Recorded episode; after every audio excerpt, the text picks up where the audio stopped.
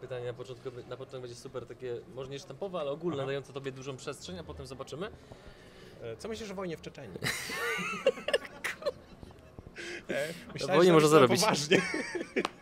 Dobra, to zaczynamy najgorsze Dobra, pytania, dobra. nie? Co jest? To jest przepływalne czy nie? Nie wiem. To Magda, to jest, to jest Magdy. To jest kokaina, na To jest pewno. Ja widziałem go w toalecie. To jesteś ty. Kokainę mu sprzedałaś. A.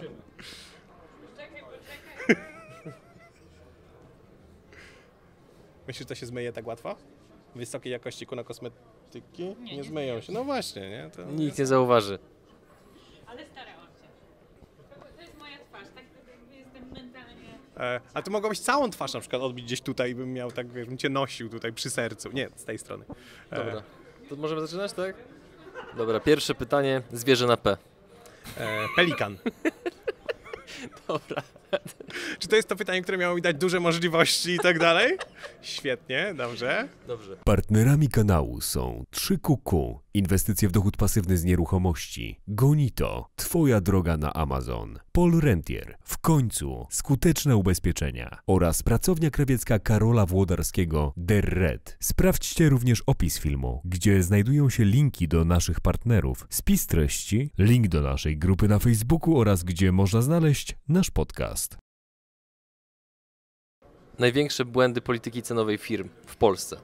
Mm, To zależy od tego, czy rozmawiamy o dużych firmach, które y, mają jakieś procedury poustalane, czy rozmawiamy o przedsiębiorcach, którzy założyli swoje firmy. Bo jeśli rozmawiamy o tych pierwszych, o tych, o tych małych na początku, e, to największym błędem jest niedoszacowanie. To znaczy, y, zwykle bierzemy zbyt mało za swoje produkty albo usługi. Z czego to wynika?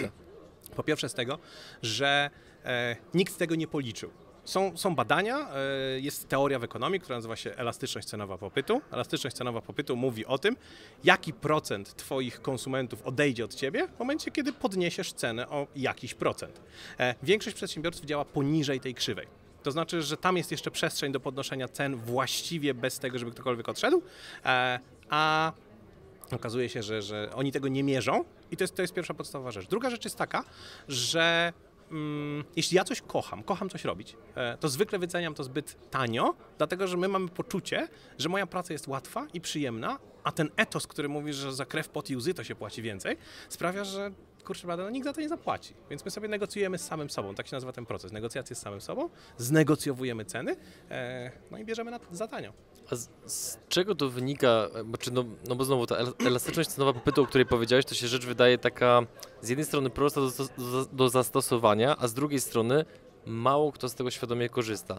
Dlaczego? I czy możemy tak naprawdę turbołopatologicznie wyłożyć, żeby każdy przedsiębiorca, który będzie to oglądał, słuchał, zrozumiał, jak to może zastosować w swoim biznesie? Okej, to zacznijmy od tego, dlaczego mało ludzi z tego korzysta. Dlatego, że mało ludzi ma kompetencje, żeby prowadzić biznes. E, To ludzie, jest bardzo mocne no stwierdzenie. nie, zupełnie poważnie. E, Ludzie, którzy prowadzą piekarnię, to są goście, którzy kochają piec ciasta albo piec chleb i oni sobie w pewnym momencie życia pomyśleli, że to by był świetny pomysł na biznes.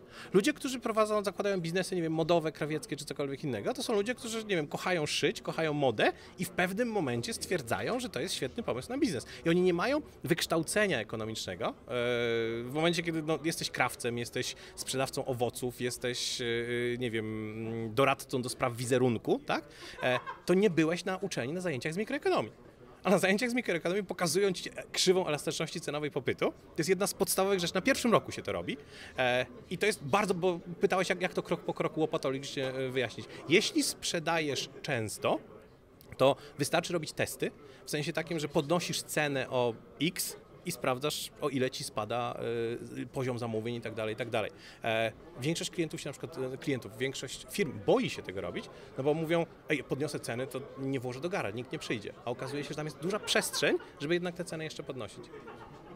Co byś powiedział takiemu przedsiębiorcy, który handluje jakimś towarem od 10-20 lat na totalnie niskiej marży i właśnie obawia się tego, żeby te ceny podnosić? No bo jakby w teorii to brzmi bardzo prosto, żeby te- podnieść ceny, testować, sprawdzić ile klientów zostało, ile klientów odeszło. Natomiast jakby jakbyś się odniósł na przykład do takiej obawy, że dobrze, zrobię test, podniosę ceny, część klientów odejdzie, ja nerwowo ją z powrotem, z Mhm. powrotem opuszczę, klienci to zauważą, ci, którzy kupili drożej będą niezadowoleni, Mhm. ci, co odeszli już nie wrócą i co wtedy? To jest kwestia, no właśnie, robienia testów. E, Nie musisz robić e, testów na całej populacji, możesz robić testy lokalnie. Czyli na przykład obniżyć ceny w jednym sklepie, czy podnieść ceny w jednym sklepie i sprawdzić, e, jak to że, jeśli masz kilka sklepów. No bo w momencie, kiedy rzeczywiście jesteś pojedynczym przedsiębiorcą, który sprzedaje, nie wiem, doradztwo marketingowe i sprzedajesz takich usług, nie wiem, 5 w miesiącu, to bardzo ciężko jest zrobić taki, taki walid, nie wiem jak to się mówi. Walidacja. Nie, nie, e, chodzi o to, żeby on statystycznie był wa wa ważny, e, ten test. E, Bardzo ciężko coś takiego zrobić. Nie? Natomiast w momencie, kiedy sprzedajesz rzeczywiście w 10 sklepach, e, to co powiedziałeś, jedziesz na, na niskiej marży, sprzedajesz w 10 sklepach i tych transakcji jest naprawdę liczone w tysiące, takie testy jesteś w stanie spokojnie sobie robić. To teraz przechodząc do samych cen i tych trików, które właśnie Mhm. podawałeś na scenie. E, W ogóle ja jestem fanem wszelkich prezentacji, które opierają się o dane, o badania, Mhm. e, takie rzeczy faktyczne, niektóre nam się wydaje, więc właśnie czy mógłbyś podać kilka takich przykładów, nawiązując do Twojej Mhm. prezentacji właśnie dotyczących samego, te, samego tego, jak prezentować ceny, żeby one były bardziej znośne i atrakcyjne dla klienta. No właśnie, bo jeszcze cofnę się o kroczek. Ta dyskusja o cenie, którą mamy, ona wymaga tej podkładki, która była w prezentacji, że kiedy klient mówi, że cena jest za wysoka, to on tak naprawdę dostrzega całość równania, które brzmi cena równa się wartość i my możemy, e, postrzegana cena równa się postrzegana wartość i my możemy za pomocą pewnych trików e, zrównoważyć to równanie, bo kiedy klient mówi cena jest za wysoka, znaczy, że wartość jest za niska. E, I my możemy albo podnieść wartość, albo zrobić kilka trików z ceną, żeby ona się wydawała niższa e, i tak dalej, i tak dalej. E, I te triki, o które pytasz. e, Pierwszy, który pokazywałem, to była ta tak zwana cena z dziewiątką, to klasyk. To, z czego ludzie sobie nie zdają sprawy, to po pierwsze, że to działa tylko na niektóre produkty. To znaczy, że to działa na produkty pierwszej potrzeby, takie, które kupujesz właściwie bez pomyślunku specjalnie. No i ta dziewiątka, ona działa tylko wtedy, kiedy obniża pierwszą cyfrę z lewej strony. Czyli obniżka o złotówkę z 15 na 14 tam nie działa, natomiast obniżka z 20 na 19, ze 100 na 99 absolutnie działa. Ta sama złotówka. Eee, druga rzecz, jeśli my kupujemy pro, produkty pierwszej potrzeby, jesteśmy na przykład wyczuleni na stopień pisma. My odbieramy ceny tak, jak one są napisane i są takie badania, które pokazują, że im mniejszy stopień pisma ceny 14,99, e, tym lepiej ona jest postrzegana, więc, więc jakby walenie wielkiej ceny niekoniecznie sugeruje, że, że y, no to, jest, to jest niewielkie. E, Druga cena, którą pokazywałem, to była tak zwana równa cena. E, To z kolei działa na produkty, które kupujemy dla przyjemności i angażuje coś, co w psychologii nazywa się łatwością kognitywną. To znaczy, mówiąc najprościej, im łatwiej nam cena wchodzi do głowy i zostaje, tym lepiej. E, I z jednej strony to jest na przykład skracanie tych cen, w sensie pozbywanie się niepotrzebnych znaków. 1400, tam gdzie jest kropka pomiędzy, ona ułatwia czytanie, ale sprawia, że cena wydaje się taka rozwlekła, ona jest duża. W momencie, kiedy pozbędziesz się kropki, e, ludzie są gotowi ten. E, Są badania na menu restauracyjnych, które mówią, że pozbycie się waluty e, 29 zł jest odbierane jako dłuższe niż 29 e, i taka cena też jest postrzegana jako niższa. I najbardziej, co mnie zaskoczyło w tych badaniach, jak, jak sobie je przeglądam, bo to jest świat, w którym żyję, tak? Raporty, badania i różne rzeczy. E, ilość sylab w cyfrze. To znaczy, że 120 wbrew pozorom jest postrzegane jako łatwiejsza kognitywnie cyfra niż 119. E, to na dwóch róż- różnych liczbach brzmi różnie, ale e, posłuchaj na przykład tego. 50 groszy versus 50 groszy. E, 50 groszy brzmi taniej, nie? Więc, więc e, 50 groszy to możemy dać, ale 50 groszy to już kurczę jakiś luksusowy produkt. E, więc o takich rzeczach mówiłem. A co byś powiedział przedsiębiorcy, który słuchając tego pomyśli sobie, dobrze panie Pawle, te triki brzmią zachęcająco, ale jakie faktycznie dodaje przełożenie? Czy są jakieś takie chociażby te badania powiedzmy zawierały takie powiedzmy widełki liczbowe, że jeżeli zrobimy powiedzmy X, to powiedzmy ta potem cena bądź sprzed, ta, ta sprzedaż na przykład wzrośnie o 3%, 5%, 7%, no bo to w, znowu w teorii brzmi bardzo dobrze, ale jak to potem ostatecznie przekłada się na praktykę? Tak, absolutnie. Ja nie jestem w stanie Ci teraz przytoczyć tych, tych procentów, natomiast e, w momencie, kiedy rozmawiamy o badaniach, no to e, żeby one były znowu statystycznie ważne, no to, to nie może być tak, że ta cena jest, nie wiem, 2-3% w granicach błędu statystycznego, tylko rzeczywiście e, dosyć duży procent ludzi, nie, nie chcę rzucać procentami, no bo jakby nie pamiętam tego w tej chwili, e, dosyć duży procent ludzi e, mówi, tak, to, to jest jakby tańsze, to jest droższe, więc, więc e, wiesz, ale zupełnie poważnie, przedsiębiorstwa walczą na przykład o zwiększenie przychodu o 2-3%. I przy, przy odpowiedniej skali 2-3% y, marży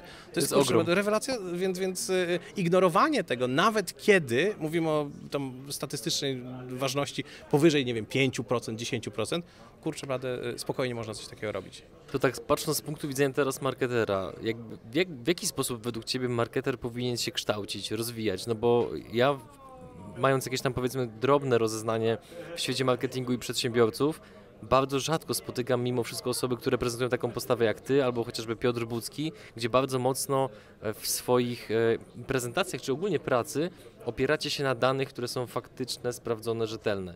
Jednak częściej widzę, że w biznesie czy wśród marketerów jest opieranie na wydaje mi się, tak czuję, intuicja i tego typu rzeczy, które są takie troszeczkę takim myśleniem życzeniowym, więc jak według Ciebie taki marketer bądź przedsiębiorca właśnie, gdzie on tej wiedzy powinien szukać? Czy chociażbyś mógł też, też wymienić na przykład źródła, z których Ty czerpiesz właśnie te wszystkie informacje? Okej, e, to o czym powiedziałeś to jest e, trochę stary marketing, który był mocno traktowany jako nauka taka miękka. Nie? E, W przeciwieństwie do statystyki, ekonomii i tak dalej, tak wydaje mi się. Dzisiejszy marketing, rozwija się jednocześnie w dwóch kierunkach. On się robi bardzo skomplikowany, dlatego on się rozwija jednocześnie w dwóch kierunkach, które są mocno przeciwstawne. E, Bo z jednej strony to jest właśnie cała ta psychologia behawioralna, ekonomia behawioralna, sposób w jaki my podejmujemy decyzje. Te rzeczy, które klasyfikujemy jako miękkie, tylko, że ekonomia behawioralna dojrzała i my mamy badania, mamy tak naprawdę e, rzeczy, z których możemy korzystać, twarde dane. A drugi kierunek, w którym mark- marketing się rozwija, to jest właśnie, to są właśnie dane. E, Dysponujemy potężnymi e, ilościami danych, e, rzeczami, których poprzednie pokolenie marketerów właściwie nie miało, bo ni- oni bardzo często byli w takiej skąd. sytuacji, tak, że nie było, nie, nie, nie dało się zmierzyć, albo ten pomiar był niedokładny, albo był drogi. A w tej chwili, na przykład w online marketingu, my możemy mierzyć wszystko. Mamy odwrotny problem. My jesteśmy przytłoczeni danymi e, i nie za bardzo sobie dajemy radę z posortowaniem tego, co jest statystycznie ważne, a co statystycznie jest nieważne. Więc, więc te umiejętności właśnie analizy danych, analityk danych, to jest, to jest jedna strona, a druga strona to jest właśnie ta cała psychologia behawioralna. E, Pytałeś o źródła. Mm, z jednej strony to są te, te wszystkie rzeczy, które zrobił Daniel Kahneman, czyli koleś, który dostał Nagrodę Nobla z ekonomii za modele podejmowania decyzji ekonomicznych. E, On napisał książkę e, pod tytułem Pułapki myślenia. E, W tej książce ona nie jest łatwa, żeby nie było wątpliwości. Jeśli nie ma się tego zacięcia psychologicznego, ona nie jest łatwa. Natomiast on się prześlizguje przez 40 lat badań nad psychologią podejmowania decyzji. Od najprostszych rzeczy po najbardziej skomplikowane. I uważam, że przedsiębiorca do tego tak naprawdę powinien przystąpić. Druga książka, którą uważam, że każdy przedsiębiorca powinien przeczytać, nazywa się Mit przedsiębiorczości. E, Ona jest właśnie o tym, że jeśli nie wiesz, jak prowadzić firmę, to nie powinieneś prowadzić firmy. E, I pokazuje różne rzeczy, które, które przedsiębiorca powinien wiedzieć, e, zanim przejdzie od tego wykonawcy, który fizycznie piecze bułki, do przedsiębiorcy, który ma przedsiębiorstwo, które zajmuje się pieczeniem bułek, ale kurczę blado, ono wymaga zupełnie innych umiejętności e, niż pieczenie bułek. E, więc więc to, to jest jakby druga rzecz. E, statystyka, no to już jest twarda matematyka, więc tu się niestety tego trzeba nauczyć. Nie, nie ma drogi na skróty, nie ma drogi jakiejś, jakiejkolwiek innej. Powiedz mi, na ile w Twojej ocenie tego typu wiedza jest, e, jakby to ująć, że klienci się do niej przyzwyczają? Chodzi mi o taki przykład, mm, chociażby powiedzmy, niektóre branże, nie nazywajmy ich nawet teraz, ale niektóre branże stosują takie mechanizmy, zwłaszcza dla osobach młodych bądź osobach Mhm. niedoświadczonych. E, Słuchaj, spotkajmy się na kawę, za pół roku będziesz jeździł Mercedesem, będziesz miał dochód pasywny i tak dalej. No Twój i znajomy jest ze szkoły podstawowej, który dzwoni do ciebie, mam Tak MLM jest. dla ciebie, tak? E, Tak jest. No i jeszcze kilka lat temu zakładam, że pewnie jakbyśmy to w jakiś sposób mogli sprawdzić, to dużo osób się na to łapało. Mhm. Teraz już o tym krążą żarty, memy, jednak wiele osób jest uodpornionych. No i teraz znowu, z taką wiedzą psychologiczną Mhm. jest troszeczkę jak z młotkiem. Możemy coś naprawić, a możemy coś popsuć. E, Więc pojawia się pytanie, e, czy, czy, te, czy te triki, nazwijmy to psychologiczne, one są w pewien sposób wyczerpywalne, czy, to, czy one jednak bazują na pewnych mechanizmach, które mamy w mózgu, których no po prostu tacy jesteśmy i nie da się tego powiedzmy obejść. Okej, to od początku. E, To, o czym rozmawiamy, to są pewnego rodzaju manipulacje. Najlepszym sposobem obrony przed manipulacją jest świadomość istnienia mechanizmu. Więc w momencie, kiedy e, ja rozpoznaję pewną ścieżkę, którą idziesz, rozpoznaję, że tutaj cena 14,99, nie powinienem się na to łapać i tak dalej, ten mechanizm jest wyczerpywalny. E, Ale te mechanizmy korzystają z twardego okablowania naszego mózgu i teraz ktoś inny, kto podchodzi do tego mózgu, świadomy tego, jak on jest okablowany, jest w stanie stworzyć nową metodę, nowe narzędzie, e, które to okablowanie wykorzystuje. I, i oczywiście, że no, my nie dajemy się złapać na taki naiwny marketing jak w latach 20. ubiegłego wieku. E, dajemy się złapać na inny marketing. Przypuszczam, że za 50 lat ludzie będą o tym myśleć, że jest naiwny, ale ten zasób korzystania z okablowania twardego mózgu uważam, że jest mocno niewyczerpany. W sensie tam dużo jeszcze zostało do zrobienia.